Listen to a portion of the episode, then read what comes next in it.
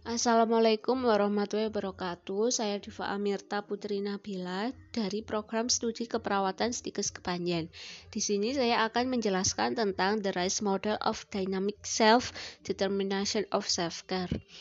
Yang pertama yaitu pengertian Menurut Departemen Kesehatan, home care adalah pelayanan kesehatan yang berkesinambungan dan komprehensif yang diberikan terhadap terhadap individu dan keluarga di tempat tinggal mereka yang bertujuan untuk meningkatkan, memulihkan, dan mempertahankan kesehatan atau memaksimalkan tingkat kemandirian dan meminimalkan akibat dari penyakit. Pelayanan diberikan sesuai dengan kebutuhan pasien atau keluarga yang direncanakan atau dikoordinasikan oleh pemberi layanan melalui staf yang diatur berdasarkan penjanjian. Pemberi layanan yang dimaksud adalah tenaga perawat. Perawat dalam hal ini menjadi ujung tombak yang akan berhubungan secara langsung dan terus-menerus dengan pasien dan keluarga pasien serta mengatur kerjasama dengan profesi lain seperti bidan, guna mencapai peningkatan kualitas kesehatan pasien serta kemandirian pasien dan keluarga pasien dalam merawat pasien.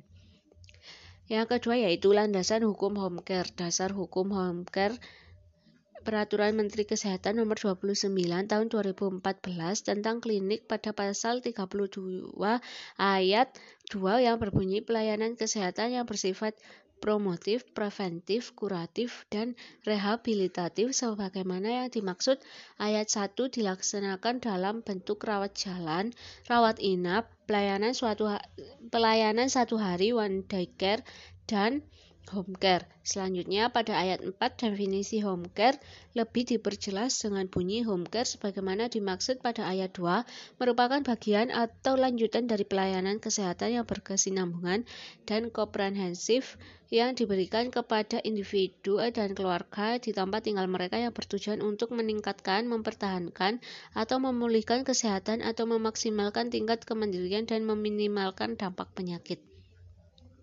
Yang ketiga yaitu mekanisme pelayanan home care adalah satu proses penerimaan kasus. Home care menerima pasien dari rumah sakit, puskesmas, sarana lain, keluarga.